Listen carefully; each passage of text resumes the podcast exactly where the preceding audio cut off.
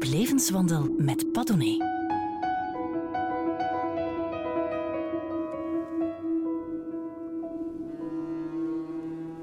Als je een Jood vraagt hoe oud hij is, moet je er altijd minstens 5000 jaar bij tellen. Ze kennen hun geschiedenis. Dat is voor de Antwerpse rabbijn Aaron Malinsky niet anders. Vandaag herdenkt hij samen met miljoenen anderen Yom HaShoah, de herdenking van de Shoah of de vernietiging van de 6 miljoen Europese Joden tijdens de Tweede Wereldoorlog. Welke zijn de drie belangrijkste vragen die wij ons als mens zouden moeten stellen? Dat is Aarons opdracht in deze maand van de filosofie voor deze Bergendal. Dag Aaron, hoe oud bent u dan eigenlijk? Uh, hangt af. Uh, als Belg, als Vlaming, als Jood, als mens. Als moderne Jood typeren heel vele facetten uh, uw eigen. Ja. En je probeert jezelf een weg te vinden. Ja. Maar goed, als ik jou dat spontaan vraag, is het geen bijna vijftiger? Uh, ik ben uh, net een vijftiger, ja. Dacht het, hè? Dus eigenlijk, volgens de Joodse traditie, ben je 5050 jaar oud. Uh, iets dergelijks, iets ja. dergelijks. Hoe komt dat toch dat jullie zo behept zijn met die geschiedenis? We hebben een eigen, nogal wat gelaten en beladen geschiedenis. Um, en we zijn inderdaad het oudste volk dat er rondloopt. Maar langs de andere kant probeer je jezelf toch altijd te vernieuwen in uh, het functioneren van een Jood in de moderne maatschappij. En je probeert langs de andere kant, uh, zoals een beetje de, de, de god Janus. Ja. Um, oei, ik doe hier aan mijn grootendom, ik kom niet in het Joods paradijs. Schrapje, een beetje Joodse humor. Ja, ja. Uh, je kijkt naar het verleden. Janus met de twee koppen. Met de drie koppen. Of drie juist. Inderdaad. En je bent in het heden en toch kijken naar de toekomst. Mm -hmm. Omdat het ons als Jood typeert. En wij zijn in de geschiedenis altijd in de hoek geweest waar de klappen vallen. En een beetje zoals de phoenix zijn we altijd uit ons as herrezen. Ja, jullie herdenken vandaag, want het is voor alle duidelijkheid geen feestdag. Dat zou nog moeten aan mankeren. Yom HaShoah. Ja, de dag van de uh, Shoah. Ja, dat is natuurlijk een hele beladen dag, hè? En ik denk, wie vandaag Jood zegt, denkt ofwel Israël en de nederzettingspolitiek, ofwel de Shoah. Um, er zijn inderdaad enkelen die de link zetten. Maar als Europese Belgische Jood um, en bijvoorbeeld mijn eigen geschiedenis, probeer ik toch eventjes stil te staan en een beetje primatief, privatief en egoïstisch denken aan mijn eigen geschiedenis. Ik kijk bijvoorbeeld aan mijn bejaarde moeder, dat ze nog uh, vele jaren gezond tussen ons zal kunnen zijn. Um, haar familie is van Duitsland. Ja, ze is gevlucht net voor de Kristalnacht. Daar moet ik dus geen uh, tekeningetje bij maken. 1938? Uh, uh, ja, nee, eigenlijk dus een beetje voor. 33? Ja, nee, 36, maar een deel van haar familie is nog langer gebleven. Ah, okay. Je moet weten, toen de SS hun is komen arresteren in hun huis in Breslau, hebben zij heel fier de medailles getoond van hun oom, die gestorven is op het veld van eer voor keizer en Duitsland. En de nieuwe Duitsers toen hebben zeer netjes voor hun neus alle medailles in de vuilnisbak gesmeten. En um, gezegd, ja, je bent Jood, een echte Duitsers kunnen toch nieuw, nooit worden. En ze moesten allemaal netjes meer naar het kamp en de meeste van hen hebben het niet kunnen doorvertellen. En daarom bekijk ik het een beetje egoïstisch. Als je kijkt naar die vergeelde beelden van bijvoorbeeld de Antwerpse Joden, die werden gedeporteerd in de straten waar ik nu woon, in de Belgelei, in de Joodse buurt, in het Diamantkwartier.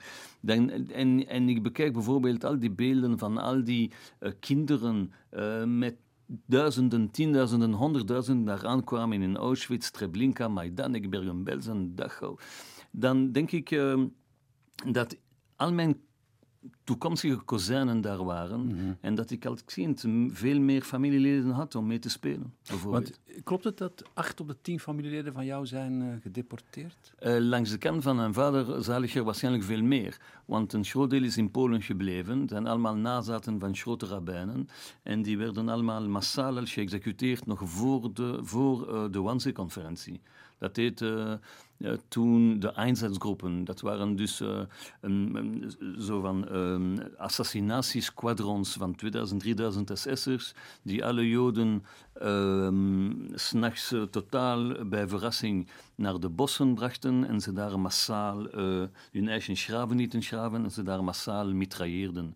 Um, er is een interessante, is een heel interessante studie van nota bene een katholieke pater, pater Dubois, die dat heeft gevolgd in de Oekraïne, waar een deel van onze familie vandaan komt. Uh, meer dan anderhalf miljoen mensen zijn zo aan hun, eigen, aan hun einde gekomen. Dat is enorm. Dat zijn cijfers die we gewoon niet kunnen vatten. Je woont daar in de Jodenbuurt, hè, uh, Diamantwijk. daar wonen hoofdzakelijk Hasidische Joden? Er is een beetje een kentering in die zaak. Um, er is een verandering in het sociale weefsel in Even voor de duidelijkheid, de Hasidische Joden zijn dus de, de, de mensen die we kennen met de kaaskrulletjes. En ja, de pijpenkrulletjes, ja, de strijmels, die speciale hoeden. Ja. De vrouwen die ze heel kuis gekleed gaan, met pruiken ook in de zomer als het warm is. Ja. Nu, die Joodse mensen die dragen hun identiteit zeer fier. -hmm. Uh, dat moet je trouwens appreciëren de dag van vandaag. Het zijn ook heel brave mensen. Ze wonen al sinds de middeleeuwen in Antwerpen. Waarom, en zijn... waarom, waarom zeg je nu brave mensen? Dat klinkt, dat klinkt saai. Uh, wel, als je tussen hen loopt um, en je beantwoordt niet um, aan de topkomieken zoals uh, Goebbels of Agnew, uh, dan is er daar inderdaad weinig op aan te merken. Dat zijn heel godsvrezende, maar ook uh, heel Vlaamse, Antwerpse en Belgische brave burgers, ja. die inderdaad niet gaat tegenkomen op politiebureau voor kleine criminaliteit. Oké, okay, maar jij bent geen orthodoxe Jood, je bent geen Chassidische Jood? Ik ben wel een heel vrome Jood. Dat wou ik net vragen. Absoluut. Wel een vrome Jood. Ah, maar een deel van mijn familie is Chassidisch. En overigens ben ik een telg van een van hun uh, oude rabbijnen, van Tsjernobyl trouwens. Maar, ah ja, oh ja. ja. ja dat, is, dat, is, ook niet een strik waar je wil vandaan komen. Uh, vandaag misschien minder. Nee. Oké, okay, maar goed. Uh, zijn er dan ook niet vrome Joden? dat is het juist. Er is een beetje een verandering. vandaag in Antwerpen zelf um, is meer dan de helft van de Joodse gemeenschap vroom. Dat kun je een beetje meten. Ja, wat zijn de criteria um, dat bijvoorbeeld een Rooms-katholiek onder de christenen vroom is? Als zij bijvoorbeeld elke week op de beach gaat, als zij altijd in de kerk aanwezig is in de feesten, zo'n dingen. Wel, Dan zijn er eigenlijk volgens mij nauwelijks nog katholieken. Um, in Vlaanderen niet, maar vergis u niet. Uh, bijvoorbeeld uh, in Amerika ja. uh, moet je plaatsen bijbouwen in de kerken, ze zijn helemaal eivol. Dus het is een zaak van komen en gaan. Hè. En, en ik denk ook dat, dat, dat het ook terugkomt, ook in Vlaanderen. Maar bij ons is het dus kosher eten bijvoorbeeld, dat is wel typisch. Um, als je met een kippa rondloopt, zoals ik, een tzitzit franius. Mag je dat uh, een keppel noemen? Een keppel, ja, absoluut. Okay. een, ho een, hoofddoek, je hebt er in alle kleuren en ja. alle maten. Um, als je um, de Shabbat respecteert, je zult mij bijvoorbeeld nooit op Shabbat uh, aan de stuur zien van mijn auto, ik zeg maar iets. en uh, op Shabbat neem ik net eens de trappen en niet de lift ja, dat Daar hebben we natuurlijk wel fantastische dingen op gevonden. Hè? Zo van die liften die blijven... Uh, ah, er is een Shabbat-lift, absoluut. absoluut. Oh, uh, heerlijk. Hoe... Ja, wel, u kent het verhaaltje wel hè, van um, Jacob en Mozes en die wonen op verdieping 40 in New York. De Shabbat-lift is weer een stuk, ze moeten te voet. En uh, Jacob zegt aan Mozes, weet je wat, ik ga je elke verdieping een schrapje vertellen, zo gaat de tijd sneller voorbij. En ze komen aan verdieping 39 en dan zegt Jacob aan Mozes, willen we de beste grap horen? Ik ben mijn sleutels beneden vergeten. en terug. yeah. Ja. Joodse humor, hè? daar ja. zijn we ook 5000 jaar uh, mee ja. kunnen overleven. Die mogen wij niet vertellen, Joodse humor. Wij als gooi, als niet-Joden. Dat zeker wel, zeker wel. En wij zijn degene die uh, het meeste kunnen lachen om Joden moppen. Oh. Maar uiteraard is soms de laatste tijd uh, de fatsoen soms overschreden. ja. het is soms een beetje te gortig. Maar om terug te komen dus naar de, de, de, vroomheid van de Antwerpse Joden. We leven totaal in een eiland wat dat betreft, want in Brussel bijvoorbeeld hebt u Um, en u haalde het net aan, ook een beetje de leegloop van de synagoges, zoals in de meeste uh, plaatsen. En weet je wat? Ik doe een interreligieuze dialoog en ik ben heel dicht bij de islamitische gemeenschap. En er is zelfs een leegloop van moskeeën op bepaalde plaatsen. Ja? Dat zult u verwonderen. En dan zegt u, ja, maar al die... Uh, um, al dat militantisme van de islam vandaag en, en het fanatisme, ja, dat kan, maar heel veel jongeren radicaliseren door internet en niet door een plaatselijke imams, waarvan ik er vele kern, ken en die hele brave en goede burgers zijn ja, ja. en die jongeren niet naar Syrië sturen om zich daar te laten exploderen. Het is wat knip- en plakwerk vandaag. Hè? Een fundamentalist uh, kent, ja. kent de Koran niet. Uh. Ja, inderdaad. Hoe zit dat eigenlijk met, met jonge seculiere joden? Kennen die nog... De Torah, de Bijbel? Um, wel, Um, ik ben verbonden onder meer ook aan een Joodse seculiere school. En de meeste jongeren zijn uiteraard, ja, jongens en meisjes samen. En, en, en, en, als u um, ze in hun dagdagelijkse bezigheden ziet, dan kunt u gewoon niet aanzien dat het jonge Joodse mensen zijn. Weet je wat? Er woont misschien een Jood naast u en u weet het niet eens. Want hij heeft geen mezuzah-kokertje aan zijn deur, want hij heeft geen kippa op zijn hoofd, want hij eet uh, niet kosher uh, met je op restaurant, een lekkere steak sanglant, wat bij ons uh, dus niet kan. Um, en misschien gaan zijn kinderen en de uwe vrijdagavond op Shabbat naar de discotheek samen, wat niet zo aangewezen is op Shabbat, nietwaar? Ja, ja. En het kan zijn dat hij Europeaan is, blank, dat zit er ook niet aan, want heel veel Joden zijn hier zo. En hij, misschien heeft hij zelfs een Nederlandse of Vlaamse familienaam, want u hebt heel veel Joden nog sinds de middeleeuwen bijvoorbeeld in Nederland, en u hebt Joden zoals Maas en Van Gelder, dat zijn vrienden van mij en ik ken ze goed.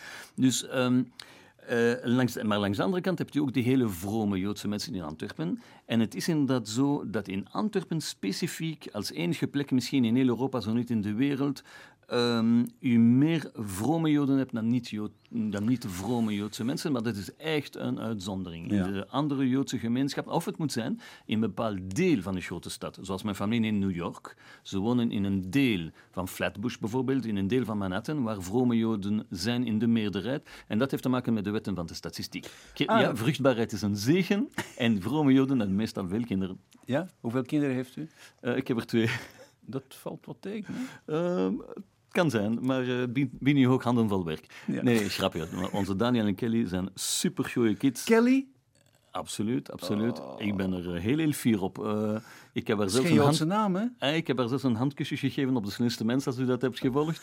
Uh, ja, studeert rechten, op en top, heel, heel vroom Joods kind, maar absoluut maar een Kelly. product, ja, wel, een product van de moderne tijd als vrome Jood. Dat moet kunnen. Aaron Malinski, je mag net zozeer als alle gasten in april, want het is de maand van de filosofie, drie vragen stellen die wij eigenlijk ons als mens zouden moeten stellen.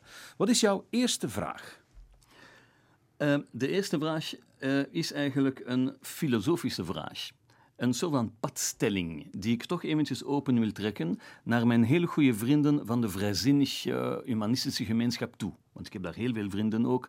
Um, we doen aan trialoog, zoals u weet. Ja, het boek uh, weer eens in herdruk is verschenen bij het uitgeverij Lano. Oei, sorry, sluikreclame, koop die spullen nog eens. uh, en daar ga ik in dialoog, in trialoog, al 15 jaar met mijn hele goede christelijke en islamitische vrienden. Vele mensen vragen mij dan, wat met de vrijzinnigen? En absoluut, daar ben ik helemaal mee akkoord. Dus, uh, eerst, en misschien eerst gewoon eerst de eerste vraag zeggen. Wel, wel, het is zo. Uh, God heeft de wereld geschapen um, en uh, de mens als kroon op de schepping. In de zesde dag zou dan kunnen dat in de zesde dag of dag 6.5, ja, statistisch God, de mens God heeft uitgevonden. dat is de vraagstelling. Ja, dat is eigenlijk klaar en duidelijk. En dat vind ik een, een, een mooie provocerende vraag. Oké, okay. volgens de reguliere godsdiensten schiep uh, God de mens. Maar zou het kunnen dat de mens God heeft geschapen? Of dat ze elkaar hebben gevonden tegelijkertijd. Oh, dat moet u me even uitleggen. Wel, uh, tijd is relatief. Ja, en ik kan het goed weten, het is een Jood die het verteld heeft. Het is Einstein. We kwamen misschien niet uit dezelfde Joodse school. Maar uh, u moet weten, zingeving is iets van alle tijden. Okay. De mens probeerde altijd iets te vinden waaraan hij zich kan afspiegelen. Um, vele uh, Joodse mensen vragen mij dat ook. Ja, kijk, je bent in discussie met vrijzinnigen. Ik vind het toch wel erg. Ze geloven dat ze hier 60, 70, 80 jaar voor de Talmud. De Talmud zegt als je 80 jaar hebt geleefd, heb je een inhoud. Uh, en daarna, um, sorry dat ik het een beetje zo plastisch uitdruk hier voor de microfoon, word je opgevreten door allerlei ongedierte, uh, anderhalve vadem onder de grond. Niet waar? Bacteriën. Geen wormen, hè? het zijn bacteriën, heb ik geleerd. Uh, ja, we gaan niet redekavelen over biologie. Dat laat ik over aan Darwinisten. Over Darwin overigens, ik heb iets interessants gelezen van een, van een rabbijn. Hij zei, indien, indien uh, Charles Darwin uh, vandaag in plaats van de beagle uh, een soort van boot zou hebben zoals commandant Cousteau, met allerlei interessante uh, meetapparatuur, dat hij waarschijnlijk uh, zijn eigen filosofieën zou tegenspreken vandaag. Ja. Alleen maar omdat de wetenschappelijke methodiek in het onderzoek zo verschillend is vandaag dat toen was. Goed, maar, maar de zesde dag schiep God de mens, schiep de laatste, dus de mens, God op de zevende dag. Wel, wij vieren de Shabbat uiteraard om juist aan te tonen dat je ergens moet bezinnen, moet herbronnen en de juiste vragen moet stellen. waarom moet u de Shabbat opvolgen? Waarom moet u altijd ehm, de hele week zo opgejaagd zijn zonder een keertje um, eventjes achter uw schouder te kijken naar wat u hebt afgelegd en de weg die u nog moet volgen? Wat voor de christenen de zondag is en voor de moslims eigenlijk de vrijdag, het vrijdag. Absoluut. Wel, uh, wel, mijn goede katholieke vriend, uh, of, of uh, orthodoxe of protestantse enzovoort, ieder zijn denominatie, gaat inderdaad zondag naar de kerk en hij luistert naar de bisschop of naar de priester of naar de dominee. Mijn goede islamitische vrienden gaan vrijdag of de Jum'ah naar de moskee en ze luisteren naar de imam of de kadi of de sheikh. En ik ga Shabbat naar de synagoge en ik luister naar mijn rabbijn, naar opperrabbijn. What is the big difference? Wel, bij ons is het verschil al het doe-element, de praktijk. Wij nemen de Shabbat echt aan de letter. En dat betekent dat wij niet alleen niet werken op Shabbat, elektriciteit kan niet. Allerlei zaken die maken dat de Shabbat deel uitmaakt uh, van net niet de bezigheden die je in de week doet. Want dat is het, je maakt duidelijk een verschil in zes uren. Totaal. Die zesde dag doe je precies niet wat je alle andere dagen wil. Ja, de zevende dus. Eigenlijk en, voor jullie zevende, En de zesde dag bereid je de Shabbat voor. Ja, ja. ja, ja. De keuken, uh, inkopen doen, iedereen in de familie is, uh, is wel uh, geladen met een zekere opdracht om de Shabbat voor te bereiden. Maar dat is nog altijd geen antwoord op die vraag natuurlijk, hè? Of, of de mens God schiep op het tweede deel, inderdaad. Wel, de mens heeft altijd zin aan zingeving. En hij is altijd zoekende. Ja. Um, wel, ik zag hier een jonge uh, Joodse Israëli die zes maanden, uh, waar was hij daar? Hij was in India, in Goa, toestanden. Uh, en hij kwam trouwens niet ongehavend terug. En hij kwam terug naar Israël. Het is een verre familie van mij. Helemaal anticlericaal. Die hebt u ook in Israël. Hè? Totaal agnostisch. Altijd uh, treiteren met uh, religieuze vragen. Maar ik ga daar heel graag op in. Want uh, het is een toffe kerel en ik praat graag met hem. Hij is een Braziliaan van oorsprong. Um, en wat merk ik? Ik merk dat hij eigenlijk aan de andere kant van de wereld exotische vruchten is gaan zoeken die hij in zijn eigen tuin makkelijk kan zien groeien. Mm -hmm. als, je open, als je ogen maar opentrekt. En um, dat stemt mij ook tot nadenken. Want ik neem dingen voor gegarandeerd. I take things for granted. Granted, ja. ja. En eigenlijk is dat uh, van mijn part ook niet altijd correct. Want wie zegt dat ik het bij het juiste eind heb? Dus jij durft ook te twijfelen aan uh, het feit dat God de, de, de mens heeft geschapen? Net niet, maar ik durf wel de nodige vraagstellingen uh, op tafel te zetten, zodat ik tot de goede bevinding kan komen dat de Bijbel wel gelijk heeft. Dat is, dat is nu is echt een sofisme zoals ik er nog maar zelden in heb gehoord. Een schijnredenering dus, hè? Uh, nee, het is geen schijnredenering. Het Waar, is waarom, de... waarom zou je niet zo ver durven gaan dat je echt twijfelt aan wat, wat, wat je eigenlijk ook verkondigt? Dat is een gezonde intellectuele twijfel. Omdat je van vooraf aan eigenlijk het antwoord weet. Maar de vraag Wie weet het antwoord? Jij? Um, een agnost of een atheïst die weet het antwoord niet. Nee, als hij totaal overtuigd is van zijn eigen gelijk, op voorwaarde dat hij de etappes is doorgegaan van de vraagstellingen trouwens, want één vraag brengt de andere mee. Dat is zo. Het is zoals een entropie, ja, dus uh, het zijn geen Lego-blokjes die je bouwt. En als hij dan tot die komt, wel alle respect, en dan Ja, is dat ja. voor mij een geloofsgenoot in zijn geloof, zoals elke andere. Juist. You can swap In- your ideology by any. En dan heeft hij het totaalste respect van mij, ook al druist hij in tegen mijn eh, principiële filosofie, Mooi. dat van de Bijbel. Ehm, je ging voor ons een stukje van Genesis zingen eigenlijk, hè? in het Hebreeuws. eh, we kennen het scheppingsverhaal. Ah ja, in het Hebreeuws eh, klinkt het zo. Ik ben soms Torah-lezer in de synagoge. Eh, dus we lezen de Torah zoals de oude melodie van de middeleeuwen. Elk woordje en elke letter heeft zijn waarde. Weet u dat de Kabbalah bijvoorbeeld zegt dat de spaties tussen de woorden in de Torah even belangrijk zijn als de woorden zelf? Dat is in de poëzie ook zo. Hè? De witregels zijn zeker zo belangrijk. Hè? Op en top. En dat heeft weer te maken met de Sabbat. Als je eventjes stopt, dan weet je wat je gelezen hebt. Mooi. We luisteren naar eh, Aaron Malinsky, die voor ons het scheppingsverhaal in het Hebreeuws gaat zingen en af en toe een vertaling. בראשית ברא אלוקים את השמיים ואת הארץ. In den beginnen schiep God de hemel en de aarde. Dit is een vrije vertaling, hè? want ik, ik, ik zeg het een beetje zo van buiten. והארץ הייתה תוהו ובוהו, וחושך על פני התהום, ורוח אלוקים מרחפת על פני המים. Het gaat dus over de chaos. Ja?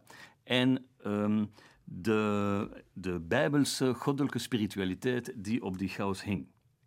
ויאמר אלוקים, יהי אור, ויהי אור. Boom, kaboom, de Big Bang. Ja, dat is, Heerlijk. Ja. Dat is de strip, de strip. De derde vers, de vierde. וירא אלוקים את האור כי טוב, ויבדל אלוקים בין האור ובין החושך. En God bekeek het licht en hij zag dat het goed was. En dan maakte hij de scheiding tussen de duisternis en het lichtgevende. ויקרא אלוקים לאור יום, ולחושך קרא לילה, ויהי ערב, ויהי בוקר, יום אחד. Einde van het eerste kapiteltje. En God gaf de namen aan de zaken. Ja, hoe zei Sartre? Bien nommé les, les choses du monde. Du monde um, en hij noemde nacht en duisternis wat geen licht gaf. En het was avond en het was ochtend en daarmee was de eerste dag voldaan. En zo komen er nog uh, een heel absoluut. pak. Maar de, die, die, we geloven je, we geloven je. Ja, ja. Maar de, zo kan, dit, dit, dit, wordt ook gezongen in de synagoge? Uh, de eerste Shabbat uh, van na het Sukkotfeest, na Simchat Torah, wordt het letterlijk gezongen. Ja. zelfs drie keer. Wat doe jij eigenlijk als rabbijn? Uh, wel, ik ben in België geen rabbijn in functie. Ik, ik, ik, zit in heel veel Joodse organisaties. Maar soms uh, ga ik... Uh, ah, ik ben bijvoorbeeld wel rabbijn in de gevangenissen. Ja, ik ben almoezenier. Ik ga gevangenen bezoeken. Okay. Oh, maar er zijn weinig Joodse gevangenen. Nou, wees niet bang. Ik kan van alle Joodse gevangenen die ik bezoek momenteel in Vlaanderen niet een voetbalteam. Ik kan niet eens een basketbalteam vormen. dus, het, het, het, valt nog meer relatief. eigenlijk? Ja, nu zijn natuurlijk met heel veel minder dan islamieten eh, in België. Maar er zijn niet, niet te veel Joden om te beginnen. Maar ten tweede, de meeste Joden houden zich wel aan de wetten van het land. En, het, en, en overigens, het is ook ingebakken, niet alleen in de Joodse cultuur, maar ook in de halakha. Halakha is zoals de sharia bij ons. Hè? Dus dat is de Joodse wet die je moet volgen. Er staat bijvoorbeeld iets uh, moois in. Uh, ik zeg het in het oud-Aramees. Dat is de taal van de Talmud, ook de taal van Jezus. Toch? Jezus, inderdaad. En, en, dat is gegeven in het Aramees, zodat elke Jood in die tijd de Talmud zou kunnen uh, lezen zonder uitvluchten. Dat, ze jou, dat, uh, dat jouw ehm, kennis zo reikt dat je doet wat erin staat. En er staat zo, Dina de Malchuta Dina. Ja, dat zijn drie woorden. En dat betekent de wet van het koninkrijk waar je bevindt, is jouw misschien tijdelijke, maar is jouw wet. Oh, heerlijk. Letterlijk betekent dat eigenlijk dat indien je uh, het rode licht um, voorbij rijdt... Of negeert, ja. Ja, dat je eigenlijk... Uh, ja, en als de politie komt en, dan zij, en, en hij vraagt... Zeg, heb je het rode licht niet gezien? En dan zeg ik, ja, maar ik heb u niet gezien. Grapje. uh, dat, dat, je eigenlijk ook um, de Joodse wet ergens overschrijdt. En op een paar punten. Een van de punten is bijvoorbeeld wat wij noemen Chilul Hashem. Um, je hebt uh, een beetje andere Joden ook ten schande gelegd. Met andere woorden, de, de grondwet bijvoorbeeld in België, die prevaleert op de, de Joodse wet? Niet, niet, niet specifiek en niet helemaal. Uh, ik kan bijvoorbeeld vertellen dat heel veel wetten anti-Joods waren door de geschiedenis heen. Oké, okay, maar vandaag, we hebben het vandaag over de grondwet. Um, over de grondwet zelf. En het is een zaak van wieken en wegen. Het is een zaak van weten en weten. Als je als Jood leeft in de diaspora, dan moet je weten dat indien je wet overtreedt, dat je ook accountable moet zijn um, voor um, de seculiere wetgeving.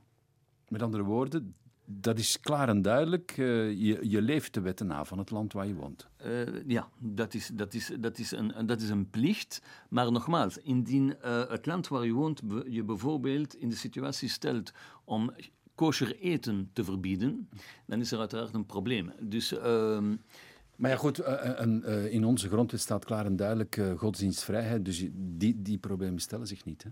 Um, soms in praktische aard, maar in het algemeen moet ik zeggen dat de relaties um, van de Joden. Uh, in het algemeen in België, in Vlaanderen in het bijzonder, en in bijzonder bijvoorbeeld in Antwerpen, dat de relaties met de overheid bijvoorbeeld met name, met uitzondering van de holocaust van de Shoah uiteraard, altijd voorbeeldig waren, misschien nu zelfs meer dan ooit. Uh, door het, al het veiligheidsbestel dat de overheid uh, zo, zo ter harte neemt om ons te verdedigen. Maar in het algemeen moet ik zeggen dat er uh, qua minderheid uh, weinig problemen zijn uh, met de Joden en er ook heel weinig problemen zullen zijn. We gaan luisteren naar een traditional uh, Aaron Malinsky. Nigin for Sabbath and Holidays is een traditional inderdaad. Van hier Joel Rubin op klarinet en Yuri Kane op piano. Zo'n Nigin is een heb ik dat goed? Jiddisch-Hebreeuwse melodie die... Een nigun. Een nigun, ja. Een nigun. Um, ze zeggen dat een mens verdeeld is in body, mind en spirit. Ja? Wat betekent dat, uw ziel? U ziet hem niet, u voelt het niet. Ah, bijvoorbeeld, als u iets steelt, dan voelt, u, dan voelt u het knagen achteraan ergens. Ja. Dat is het zieltje. Het bestaat wel in ja. elk mens. Je weet dat hij 21 gram weegt, hè? Uh, naar het schijnt heb ik dat ook gelezen, ja. Uh, er is ook een film daarover, maar aangezien ik nooit naar de cinema ga... Mag niet? nou, uh, films kunnen toch wel door de bug.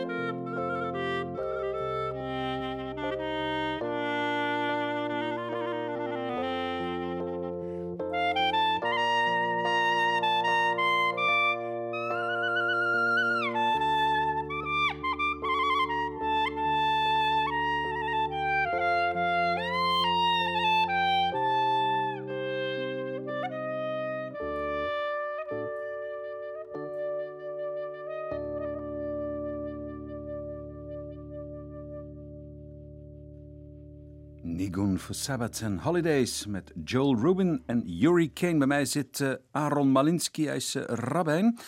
Aaron, dit was dus een nigun. Um, hoe noem een zielenmelodie, een, een, een balsem voor de ziel? Uh, wel, zoals het voedsel voor um, voeding is voor het lichaam. En weet ik veel, misschien intellectuele uitdagingen. voor de geest is de nigun, de melodie, voedsel voor uw ziel. Wow, mooi. Aaron, we hebben jou leren kennen, inderdaad, je zei het al eerder, via een uh, populair spelprogramma. Daar doen wij hier niet zo fanatiek aan mee uh, op Clara, maar toch... Uh, Goed gelijk. Nadien ben je zo'n beetje in een controverse terechtgekomen, want ik citeer even, je zei, homo's komen bij ons nauwelijks voor en als er al zijn, dan worden ze doorgestuurd naar een psycholoog. Half Vlaanderen uh, viel op zijn gat. Lilo Abicht, filosoof en auteur, en trouwens kenner van het jodendom, zei...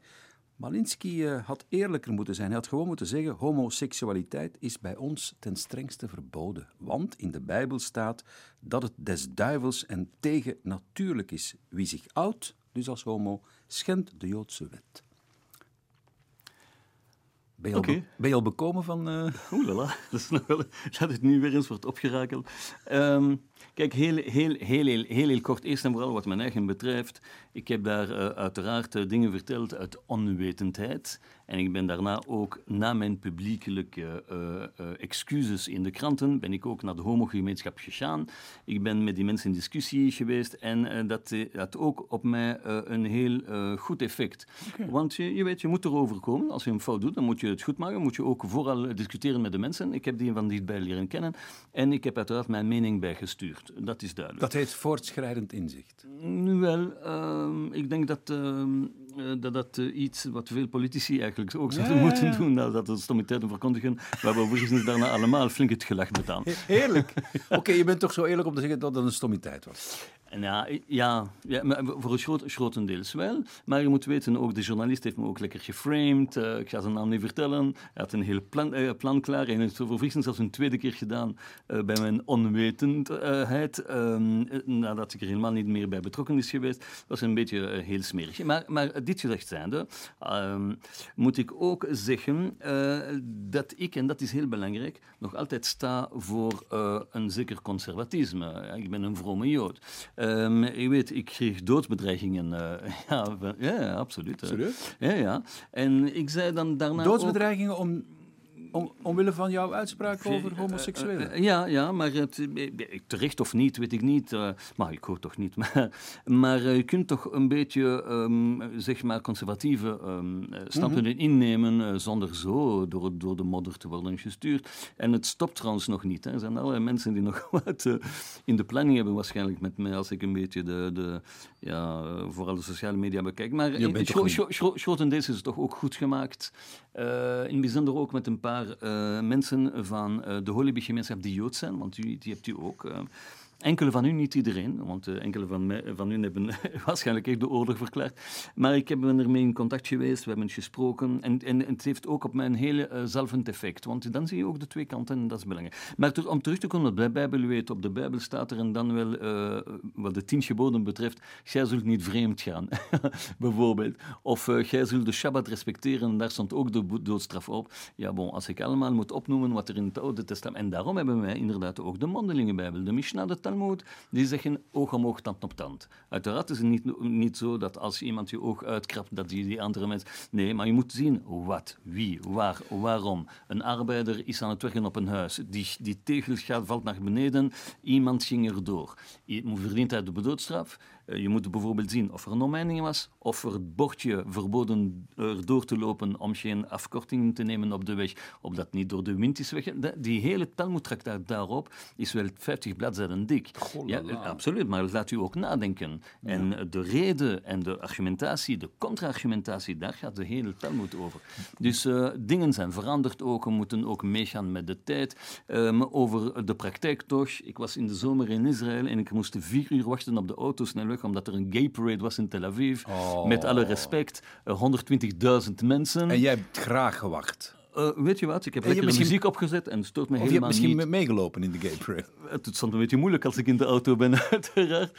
Maar um, nee, alle respect voor iedereen. Ik okay. zeg leef en laat leven. Iedereen volgens zijn geaardheid, volgens zijn huiskleur, volgens zijn, zijn, zijn... Ja, absoluut, absoluut. Je mag hier uh, drie vragen stellen, levensnoodzakelijke vragen die wij ons als mens zouden moeten stellen. De eerste vraag was, de zesde dag schiep God de mens en schiep die laatste God op de zevende dag. Wat is jouw tweede vraag? Uh, het gaat uh, over iets onrechtstreeks, maar dat vandaag jammer genoeg weer eens de actualiteit is. En dat is in het algemeen racisme, maar antisemitisme specifiek. Want er was een uitspraak van uh, een Amerikaanse filosoof, ik weet niet meer wie, maar het was politiek getint, om alle soorten van racisme en, gelijk te stellen. Zoals je alle soorten van, soorten van fobieën gelijk kunt stellen, en dan ben je zelfs bang om alleen maar al naar de psych te gaan. Um, wel, um, ik ben totaal tegen dat standpunt. Antisemitisme is apart en um, ik heb daar zeer duidelijke argumentatie voor. Dus jouw vraag is eigenlijk, is antisemitisme rassenhaat van categorie 4? Ah ja, inderdaad. Zo is het, hè? Ja, ik ben een grote sportliefhebber, zoals u weet. Ik hou veel van voetbal, maar ook uh, wielrennen, waarom niet? En de call van categorie 4, die zijn moeilijk om te nemen. Op ik die zei... manier, aha. Dat bedoel je met categorie 4? Ja, maar er is nog iets. Ik, ik, ik verdeel het antisemitisme ook in bepaalde stadia. En wij zijn gekomen in stage nummer 4. Oké, we gaan eens luisteren naar die uh, vier uh, fases van het antisemitisme. Volgens mij verloopt het anti-Joods antisemitisme, want wat zijn semieten? Ja. Um, in vier fasen en de eerste fase was zo. Gij zult hier niet als Joden leven. Ja, de gedwongen volksverhuizingen. Bijvoorbeeld uh, in Engeland werden de Joden verdreven ja, na um, de, um, de grote uh, massamoorden in York naar Parijs en daarna langs Vlaanderen, daarna naar dit, naar dat. En de Joden moesten altijd veranderen van plaats. Um, daarna uh, is er de interessante tweede fase en die zegt: Gij zult niet als Joden leven. Ja, dus dat is een stap verder. Dus niet, jij zult hier niet als Joden leven, maar jij zult gewoon niet als Joden leven. En daar moet je kijken naar de gedwongen kersteningen, ten tijde van de kruistochten bijvoorbeeld, of later de Inquisitie, ja, de autodafé, waar Joden massaal zijn vermoord geweest vanwege hun geloof, maar dat ze de mogelijkheid kregen om over te gaan naar een ander geloof. Um, dat gebeurde in mindere mate bijvoorbeeld in islamitische landen, maar vooral in Europa bij, in ten tijde van het christendom.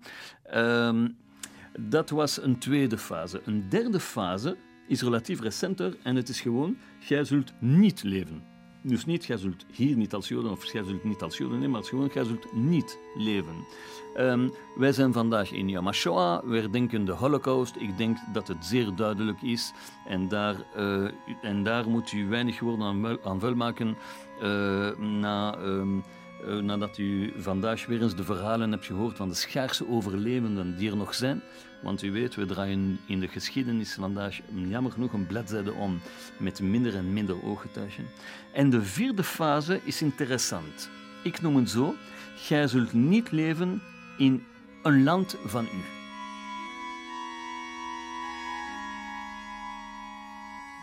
Dat waren de vier fases uh, van het ja. antisemitisme volgens Aaron Malinsky. Wel, en ik wil hier iemand parafraseren. Uh, Martin Luther King. Ja.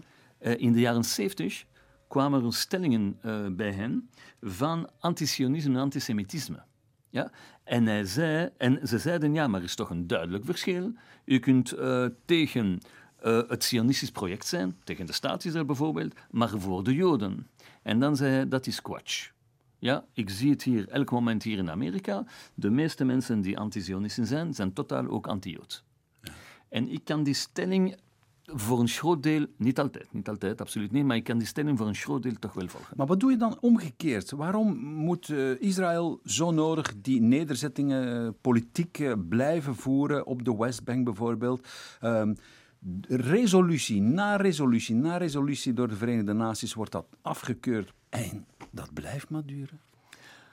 Kijk, ik heb vele Palestijnse vrienden, dat zal u verwonderen. En ik heb er eentje technisch gekomen in Brugge. Ik kan u de naam geven. Salim Aboudashkar is uh, broer van een hele bekende pianist. Uh, heeft zelfs een keertje gespeeld hier in het Concertgebouw voor de VRT, overigens.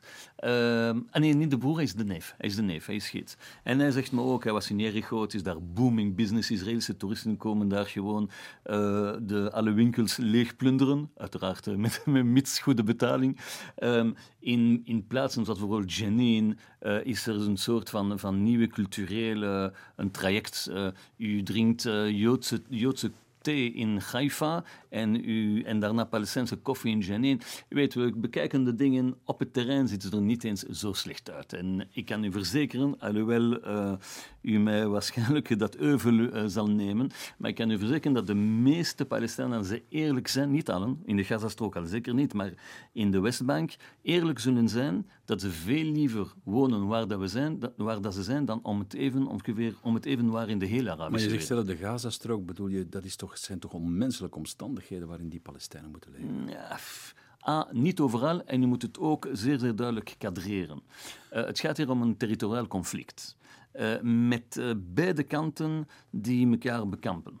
Nu, het, het, inderdaad, voor het oog uh, um, is het meer opvallend, omdat Israël uiteraard uh, met betrekking tot uh, specifiek dat dit dossier duidelijk de sterkere is en de Palestijnen de zwakkere. En inderdaad, de sympathie van de meeste mensen gaan naar de underdog. Maar er zijn andere argumenten. Kan u bijvoorbeeld zeggen dat Israël kleiner is dan België. Ja, als, ze, als ze de gebieden opgeven, zijn ze kleiner dan Vlaanderen. We, en de hele Arabische wereld is groter dan heel Europa. Ja, natuurlijk. Jullie zijn een enclave omringd door 19 Arabische landen. Ja. De vraag is, moet je daar dan, is dat een vrijgeleide om... Ik wil geen um, positie nemen in het conflict zelf. Okay. Maar ik wil alleen maar teruggaan naar het Zionistisch project.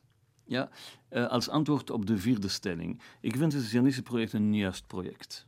Ja, ik, ik, uh, ik ben zeker ook van de mening toegedaan dat de opeenvolgende, overigens Israëlische regeringen, misschien um, meer inspanningen hadden moeten doen en meer water in hun wijn hadden moeten doen. Om de vrede te bewerkstelligen. Uh, ja, maar dat geldt langs beide kanten ook. Ja. Uh, er zijn initiatieven geweest, op een paar momenten was het echt dichtbij. Bijvoorbeeld in 2000 voor de Tweede Intifada waren bijvoorbeeld Arafat en Barak toen, toen, toen echt bezig met de laatste kilometers.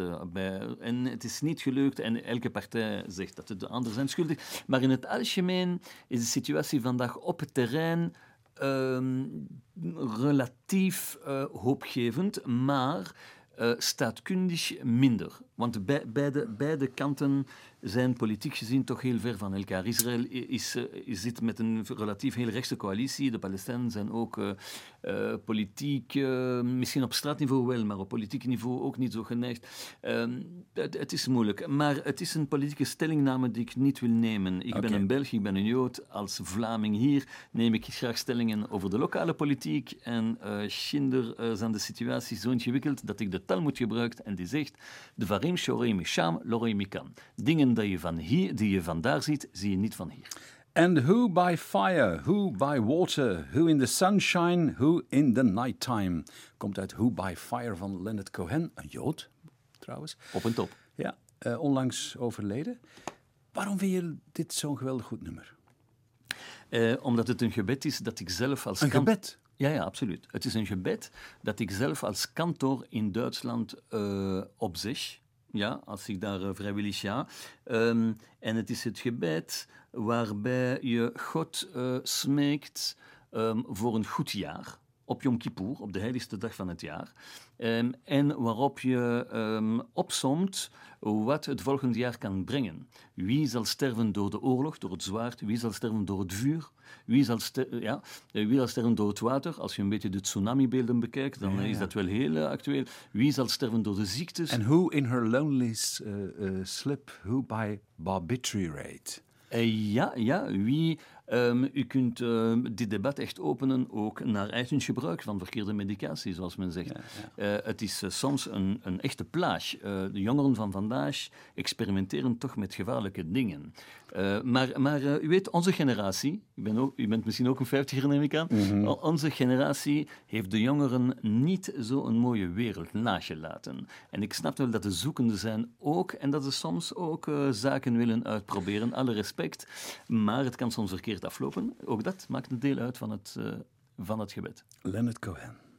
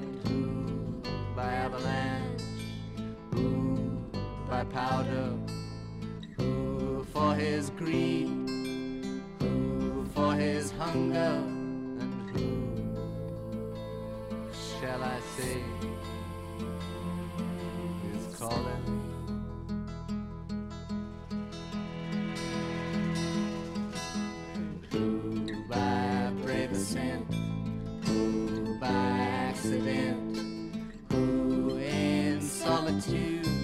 Who in this mirror? Who by his latest command? Who by his own hand?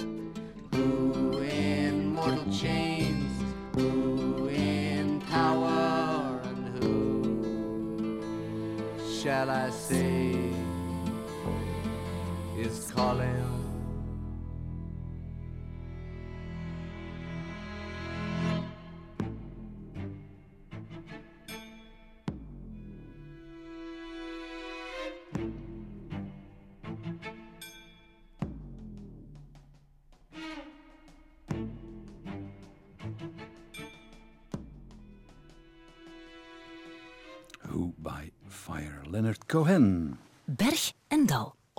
Levenswandel met Padone. Aaron, ja, we hoorden dus een gebed, begrijp ik. Absoluut. Leonard- Cohen is eh, misschien wel vrijzinnig, maar hij heeft nog altijd Joodse roots. En ook in de praktijk gaat hij naar Yom Kippur en hij luistert naar zijn kantor, ik ben zelf kantor, Ja. naar zijn eh, voorzanger, naar zijn rabbijn, dat gebed opzeggen. Het in het Hebreeuws is mi va'esh, mi ba'maim, mi va'machala, mi ba'milchama. Ja, wie eh, gaat eh, doodgaan naar het jaar die komt ehm, door eh, het water, door het vuur, door de oorlog, door de woede enzovoort. En op het einde van het gebed, en wie is geroepen naar God?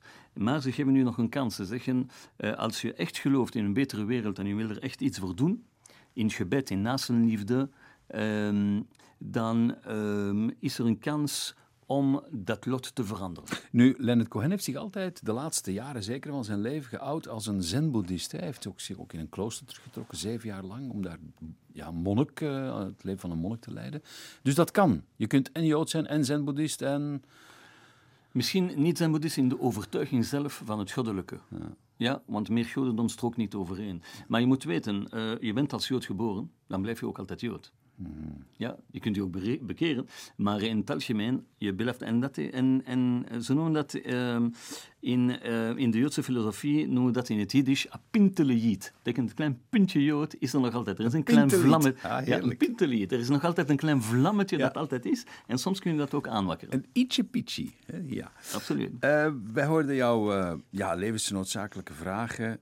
De zesde dag schiep God de mens en schiep die laatste God op de zevende. Is antisemitisme rassenhaat van categorie 4?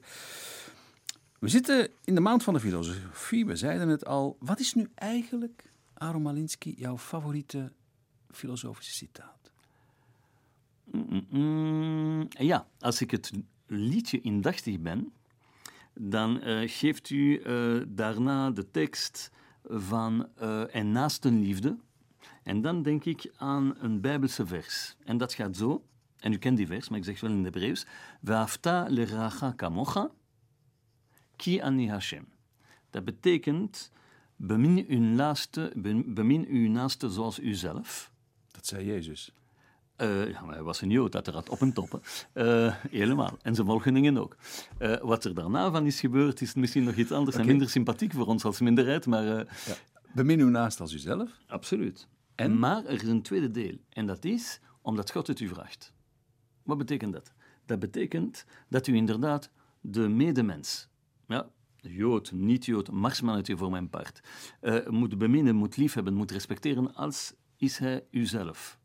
Maar langs de andere kant moet je het niet doen door een gewoon eh, primair humanisme, maar omdat er iets achter is. Omdat God het vraagt. Ja. Ja? De mens die groeit horizontaal. Maar goed, maar Dieren ik- groeien verticaal naar de andere toe. Een ik- tijger gaat geen andere tijger ik die opeten. geen God ken, Ja, God nog gebod, die toch vindt dat, dat hij zijn naaste moet liefhebben als hemzelf. Punt. Is dat niet genoeg? u kent God wel, Ah ja? omdat u het net zegt. Een negatie is een acceptatie. Al- Malinsky. ja, ja u, u hebt ervoor gekozen om als mens te leven met een ideologie. Ja. Ik heb gekozen om als mens te leven, pu- eh, een, een, als humanist, punt. Maar kijk, dat doet me... Nee, nee, nee, maar dat, dat, dat typeert u en ik respecteer u enorm daarvoor. Ja, Er zijn Ja, bijvoorbeeld... ja, je respecteert me ter op zekere hoogte, want ik moet toch wel een god hebben. Eh, nee, nee, je moet een, een, een ideologie hebben. Maar ik wil geen ideologie. Nee, maar je, je, u, hebt er wel in. U zei het net, u gelooft in de medemens, u gelooft in uw eigen, u gelooft in de, in de liefde die daar is. Dat is voor mij goed genoeg om in het Joods paradijs te komen. Oh, heerlijk. Ja, maar, maar er zijn, er zijn, eh, hoe komt u in het Joods paradijs? Wel, als u een van de, als niet-Jood, let wel, als u de zeven werken van barmhartigheid, de noachistische werken, één daarvan is een de- ideologie te hebben. Liefde in de medemens is helemaal een ideologie. De- Eh, Vele, vele Spaanse rabbijnen in middeleeuwen bijvoorbeeld eh, zeggen dat heel, heel duidelijk. Ja, dus eh, absoluut. Ik weet niet of het uw plannen zijn. misschien komen we elkaar, ja, ja, misschien misschien komen- we daar elkaar tegen, gaan we een, beetje een partijtje tennissen. Oké. Eh, maar maar eh, ja, u weet wel, hè, ehm, Ja, ja. een belangrijke ka- kabbalist is naar boven geroepen. God, ik wil wel een beetje zien hoe het eruit ziet. En hij ziet inderdaad mensen de hele tijd Torah leren. En ehm, in de hel, la- laat me ook een beetje kijken, zijn ze daar aan tennissen. Na 120 jaar komt hij daar boven. En, en nu, wat wil je? Zegt ik, "Nou, misschien wel een beetje aan die kant eh, naar de tennis. En opeens zit hij in de hel, eh, ja, kleine duiveltjes eh, met drie tandjes. En, en ja, en eh, ehm, in, kokend, olie, in kokende olie. Is dat de hel? Ik, ik dacht aan iets anders. Ja, maar dat is de hel voor toeristen. nu ben je recht.